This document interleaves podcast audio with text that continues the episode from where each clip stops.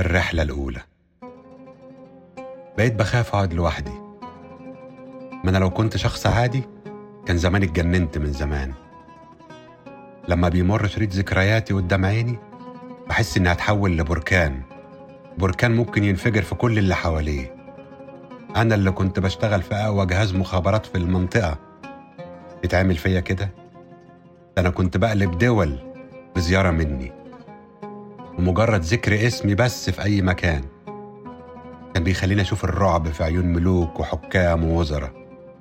قال إيه؟ أنا بقيت خطر على الأمن القومي. سبب سخيف للفصل من الخدمة وتصرفات أسخف بعده. عشان كده كان لازم أشغل نفسي بأي حاجة. أي حاجة عشان أبعد عن التفكير. بدأت ألعب رياضة عشان أطلع طاقة الغضب اللي جوايا. وكان عندي مشكلة إن أتعرف بناس جديدة. أنا واحد حياته كانت كلها شغل وسفر لسنين طويلة. ما كنتش بقابل ناس عادية. وده اللي مصعب عليا إن أتعرف بأي حد جديد.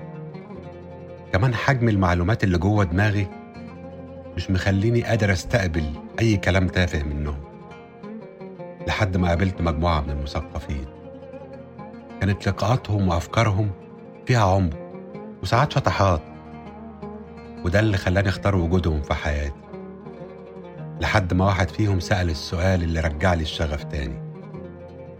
السؤال كان إيه هو الأثر في حياتك؟ سمعت إجابات كتير من اللي موجودين لكن أنا خيالي راح لبعيد قوي. جه في بالي قصاصين الأثر اللي في الصحراء وإزاي بيقدروا يتتبعوا خطوات أي شخص سواء كان مفقود أو شخص خطر.